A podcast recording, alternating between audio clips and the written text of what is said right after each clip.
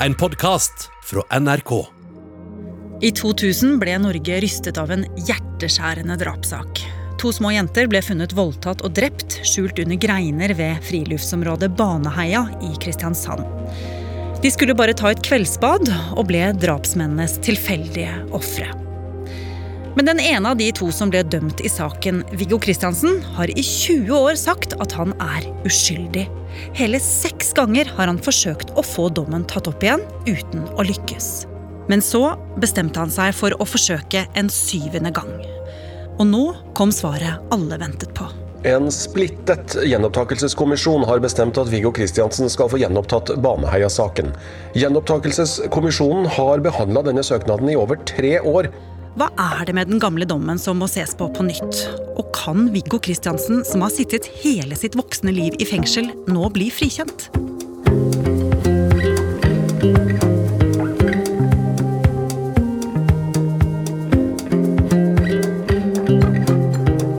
Du hører på Oppdatert. Jeg heter Ragna Nordenborg. Viggo Kristiansen har nå blitt 41 år gammel, og han har jo da sittet eh, halve livet sitt i fengsel.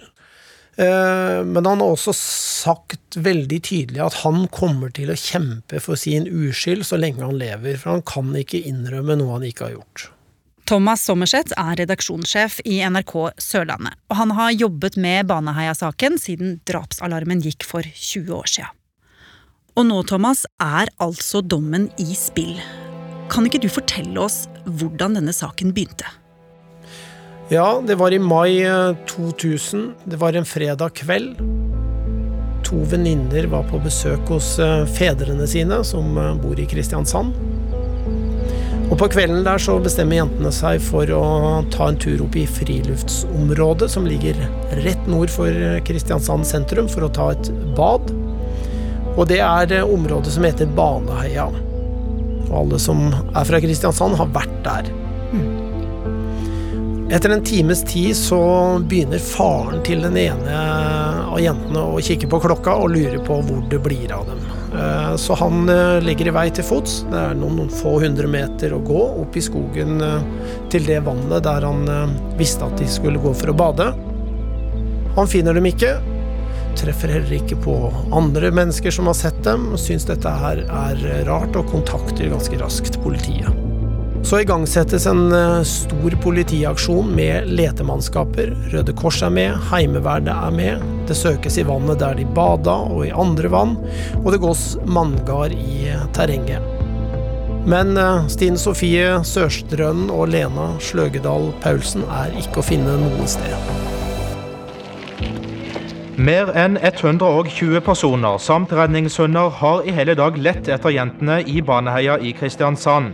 Politiet står fremdeles uten spor, selv om også varmesøkende helikopter er brukt i letingen etter åtte år gamle Stine Sofia Sørstrøen og hennes venninne ti år gamle Lena Sløgedal Paulsen.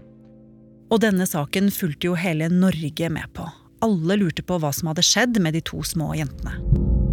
Så etter eh, to dager, søndag kveld 21. mai, eh, når de leter i skogen rundt eh, vannet enda en gang, enda litt nøyere, så er det en soldat som finner en eh, bærepose, en plastpose med noe badetøy i. Ganske raskt blir et område rundt dette her sperret av. Og mens eh, letemannskapene venter på at politiet skal eh, komme dit og gjøre nye søk, så går Heimevernets leder, Stein Borgersen, inn alene og kikker litt. Følger terrenget sånn som han tenker Hvor kan de ha gått?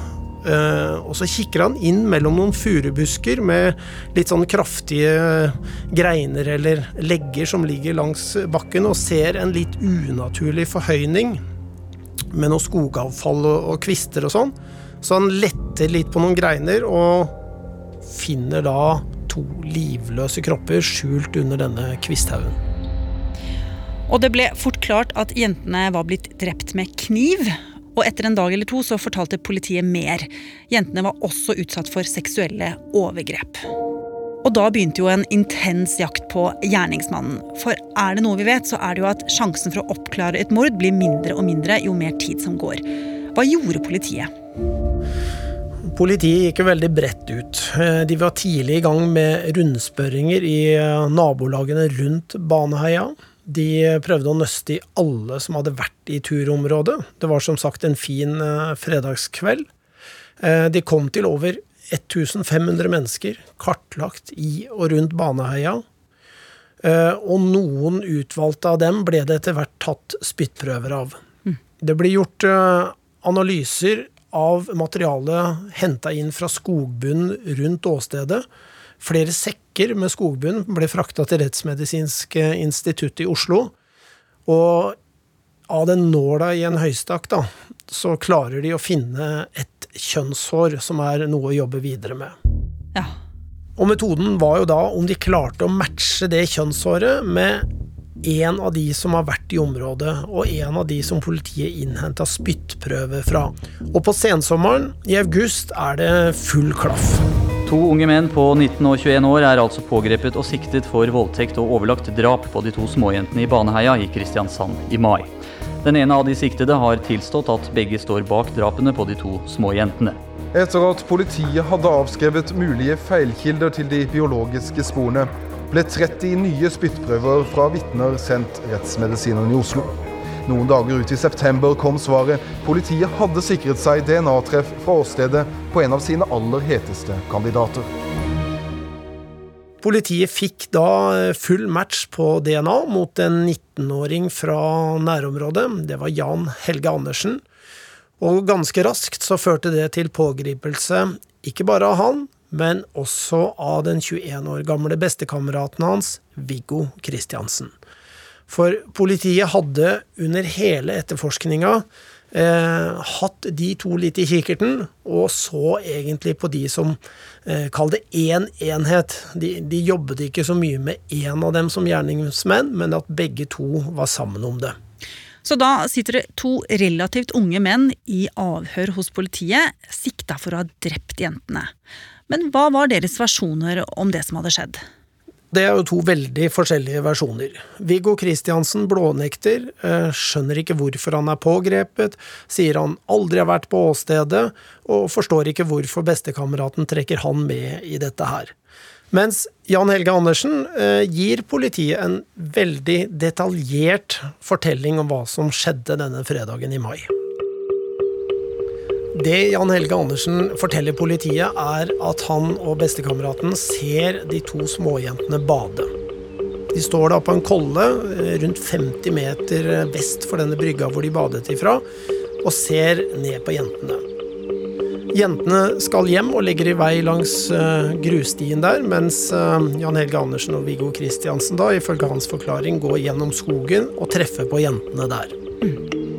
Og da skal Kristiansen eh, ha tatt kontakt med dem og spurt om ikke de kan hjelpe dem med å finne en katt med kattunger. Og på den måten så blir de ifølge Andersen da lurt eh, opp langs en sti, en ganske bratt skråning der oppe, og rundt en kolle, sånn at dette området ligger veldig skjult for innsyn, selv om det i luftlinja er eh, veldig kort avstand. Og det som ifølge Andersen skjer på åstedet, er at Kristiansen eh, truer jentene til å kle av seg. Kristiansen begynner å begå overgrep mot den ene, mens Andersen blir eh, sittende nærmest og holde vakt, litt sånn med, med ryggen til. Eh, men han forstår hva som foregår bak der. Etterpå skal Kristiansen ha trua Andersen med kniv, og også rispa han litt i armen for å få han til å forgripe seg på den andre jenta. Etter overgrepene så blir den ene jenta drept av Viggo Kristiansen, og den andre blir drept av Andersen, men slik han har forklart det, så skjedde det eh, fordi bestekameraten trua han til å ta livet av henne. Mm. Etterpå blir jentene skjult inn i denne furubusken. Eh, de kapper greiner, einer og litt forskjellige kvister og legger over dem skraper opp jordsmonn, løv og avfall fra skogbunnen og drysser over og skjuler veldig godt jentene og roter til på åstedet, sånn at det ikke skal være tydelig spor etter noe aktivitet der. Og han forteller til slutt at de vasket kniven i en pytt bortenfor, og også skurte den da med litt sand og, og, og grus for å fjerne alle spor, før de gikk eh, i retning hjemmene sine. Og dette er altså Jan Helge Andersens eh, forklaring. Men Viggo Kristiansen han hadde jo sagt at han ikke hadde vært i Baneheia overhodet. Ja. Men så eh, var de jo inne til flere avhør. Og andre vitner blir avhørt. Og det kommer fram observasjoner av han ved parkeringsplassen som er ved inngangen til Baneheia, og noen som har sett han syklende mot det vannet der jentene bada. Og da måtte han endre sin forklaring. Ja, stemmer det. Jeg var en liten tur der oppe for å lete etter Jan Helge, kameraten. Så han endra sin forklaring ettersom andre hadde sett han, altså. Mm. Men han tviholdt på at han ikke hadde noe med drapene å gjøre. Men nå eh, var det jo klart at han hadde vært i området en times tid før jentene forsvant. Men da saken kom opp for retten våren 2001, ble begge dømt. Viggo Kristiansen er dømt til lovens strengeste straff, 21 års fengsel for voldtekt og drapene på de to jentene i Baneheia i fjor. Han ble også dømt til ti års sikring. Kameraten hans Jan Elge Andersen ble dømt til 17 års fengsel for medvirkning til voldtekt og drap på ei av jentene. Og i 2002 blir de to dømt på nytt. Og nok en gang er det Viggo Kristiansen som får den strengeste dommen. Altså 21 år forvaring. Altså Forvaring gis jo til de lovbryterne man frykter kommer til å gjenta forbrytelsen, eller som regnes som en fare for samfunnet. Og de slipper jo ikke ut av fengselen uten videre. De må overbevise dommerne om at de har endret seg, og at de er klare for å gå ut i samfunnet igjen. Ja, men hvorfor er det Viggo Kristiansen som får denne dommen, og ikke Jan Helge Andersen, når det er eh, kjønnshåret til Jan Helge Andersen de har funnet? Ja, Det er jo enklest sagt fordi retten tror på den historien eh, Andersen forteller, om at det var Kristiansen som var pådriveren. Mm. Og i tillegg så kom det fram i retten at Kristiansen hadde pedofile trekk. Altså Det sterkeste momentet der er jo at han i samme rettssak også ble dømt for flere overgrep og voldtekter av en uh, liten jente. Dette var ting han innrømmet å ha gjort. Han gråt uh, for det i retten. Mm. I lagmannsretten ble han også dømt til å betale erstatning til en liten gutt. Han ble frifunnet det strafferettslig fordi han selv kan ha vært under 15 år da det skjedde. I tillegg så pekte de sakkyndige på hans eh, sexfikserte oppførsel. Eh, de gikk på hva slags eh, porno politiet beslagla hjemme hos han i bilder og filmer. Han hadde en eh, interesse for anale overgrep, og det samsvarer med overgrepene på jentene. Og dette er en seksuell interesse som Kristiansen hadde, og Andersen ikke hadde. Og det eh, fortalte de begge åpent om i eh, politiavhør. Så da ble begge satt i fengsel. I dag er Andersen ferdig sona. Han slapp ut i 2016, mens Kristiansen som vi har nevnt, sitter inne ennå. Og kan risikere å sitte livet ut fordi han ble dømt til forvaring. Og helt siden 2008 altså, så har Viggo Kristiansen og hans forsvarere forsøkt å få saken gjenopptatt. Og den siste og syvende gangen var altså i 2017. 20 år har gått siden drapene i Baneheia, og nå skal Gjentakelseskommisjonen på nytt vurdere om drapsdømte Viggo Kristiansen skal få sin sak prøvd i retten en gang til. Leder for Gjenopptakelseskommisjonen, Siv Hallgren, sier de også kan se med nye øyne på gamle bevis. Det kan være en ny vurdering for så vidt av, av bevis som, og, og, vurderinger og sakkyndighet f.eks. som har vært ført før. Det, generelt kan man svare det. For Kristiansen har hele tiden ment at han er uskyldig, og at de nå sitter på gode opplysninger som kan dokumentere det. Og det er det ikke bare han som mener. Han har hatt veldig mange støttespillere som har kjempet for en gjenopptakelse. Det er blitt skrevet bøker, laget podkaster som støtter Viggo Kristiansens sak. Thomas, hva er det i disse nye opplysningene som taler for at Kristiansen kan være uskyldig dømt? Ja, Hans advokat eh, viser jo til veldig mange ting, og det er en svært omfattende jobb å rett og slett sette seg godt inn i alt sammen. Men jeg tror vi skal peke på tre hovedspor. Det såkalte mobilsporet, som går på om det var dekning der eller ikke. Så er det beviset for om det var to gjerningsmenn, altså DNA. Og så er det troverdigheten til Jan Helge Andersen. Det er tre ting det brukes mye tid på. Mm. La oss ta mobilsporet først. Ja. Viggo Kristiansen hadde en mobiltelefon som var koblet opp eh, mot en basestasjon i nærheten av parkeringsplassen til eh, Baneheia, der det er en bom på vei inn i området. Rett bortenfor der er det en boligblokk, og oppå der står basestasjonen. Og signalet fra den basestasjonen, det rekker et stykke inn i skogen, men ikke helt til åstedet, altså der jentene ble funnet. Det er en glidende overgang der, eh, med stadig svakere dekning på mellom 150 til 400 meter fra åstedet. Og da mener Viggo Kristiansen og hans advokater at det beviser at han kan ikke ha vært i skogen og i området slik han ble dømt for. Fordi det har gått flere tekstmeldinger til og fra hans mobiltelefon i den timen som er definert som gjerningstidspunkt mellom klokka 19 og 20. Men dette høres jo ut som et alibi, det?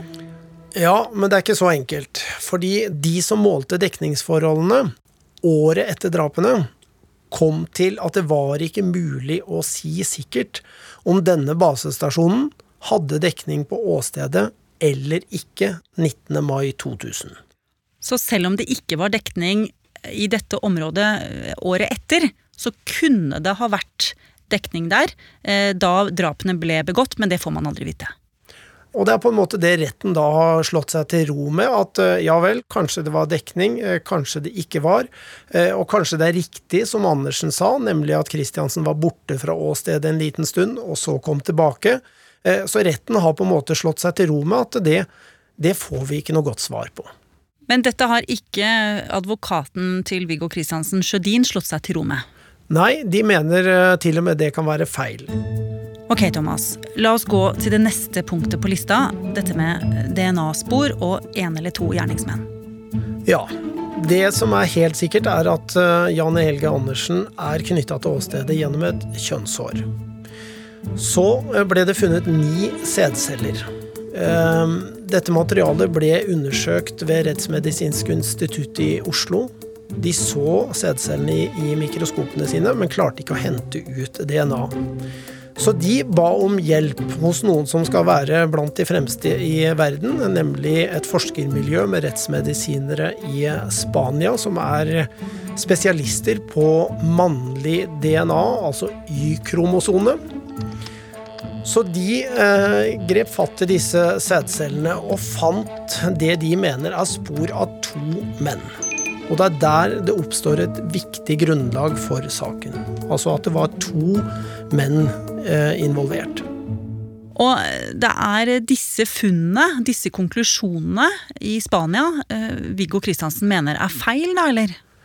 Ja, for hans advokater har leid inn andre til å vurdere disse resultatene. Altså ikke gjøre nye analyser av DNA, men se på de skriftlige rapportene. Og da er det én rettsmedisiner i Stavanger og eh, to i England som har sett på materialet, og mener da at eh, det er for tynt grunnlag til å kunne komme med en såpass klar konklusjon om at det var to gjerningsmenn. Så det er der den kampen står, å få bort det grunnlaget for dommen. Og så til slutt, Thomas, dette med troverdigheten til Jan Helge Andersen. Dette har de også fått Gjenoppdagelseskommisjonen til å se på. Det har de gjort. Eh, det bores ganske hardt i forklaringen til Jan Helge Andersen. Og det vises til en del ting som Jan Helge Andersen har forklart seg feil om. F.eks. at uh, han ikke snakket om overgrep før han på en måte var presset opp i et hjørne i avhør og måtte gjøre det. Uh, og han forklarte seg innledningsvis feil om hvilken jente han hadde forgrepet seg på. Og Hvorfor er det viktig? Nei, det eh, handler jo om DNA og hva som er funnet hvor. Altså på fra hvilken mann på, på hvilken jente, da. Og Det er dette Sjødin bruker til å så tvil rundt Andersens forklaring, og mener at politiet også har påvirka han til å bytte ut hvilken jente han eh, forgrep seg på, for å få det til å stemme at Kristiansen var med på det. Men eh, kunne han ha klart å utføre disse drapene alene? Ja, Det blir jo på en måte en eh, slags teoretisk beregning, da, ikke minst med tanke på tidsbruk eh, og hvordan han skulle ha gjort det alene. Eh, vanskelig å sette seg inn i det, men advokat Sjødin argumenterer jo for at han har jo historien. Han har jo fortalt den slik han gjorde det. Det er bare det at han tok med bestekameraten for å få litt mildere straff. Og nå er det altså klart det blir gjenopptakelse. På sjuende forsøk så klarte han det altså. Tre av fem medlemmer i gjenopptakelseskommisjonen stemte for at man skal se på saken på nytt. Og det var spesielt tre ting gjenopptakelseskommisjonen la vekt på.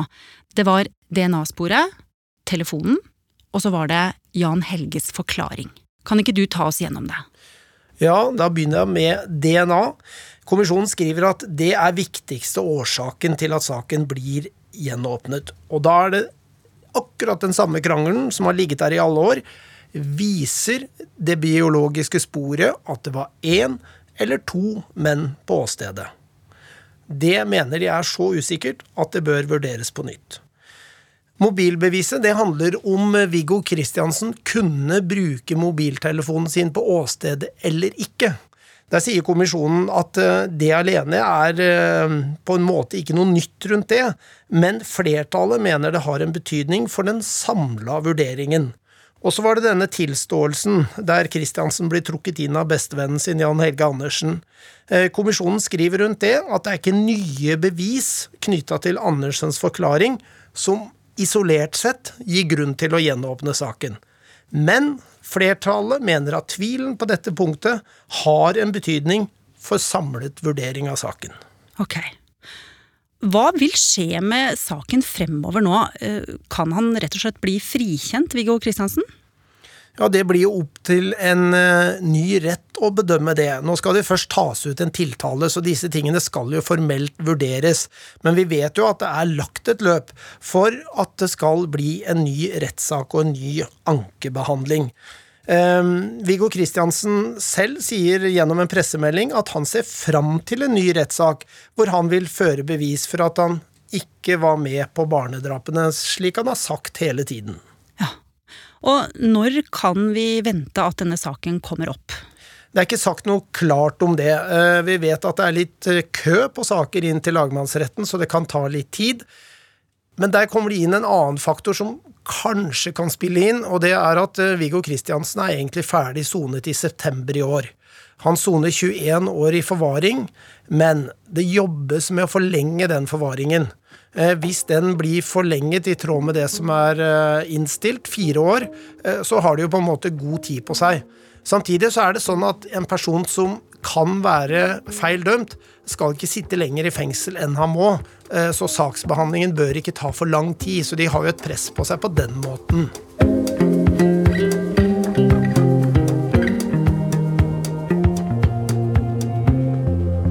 Har du lyst til å bli fast lytter av oss i Oppdatert og få påminnelse om nye episoder, så er det bare å abonnere på oss i NRK radioappen. Og så er det veldig hyggelig hvis du vil anbefale oss til en venn. Oppdatert er en podkast fra NRK Nyheter, og denne episoden er laget av Ida Tune Øretsland, Andreas Berge og meg, Ragna Nordenborg. Eva Midthun Leira er redaksjonssjef. Vil du kontakte oss, gjør gjerne det på oppdatert krøllalfa nrk.no. Du har hørt en podkast fra NRK. Hør flere podkaster og din favorittkanal i appen NRK Radio.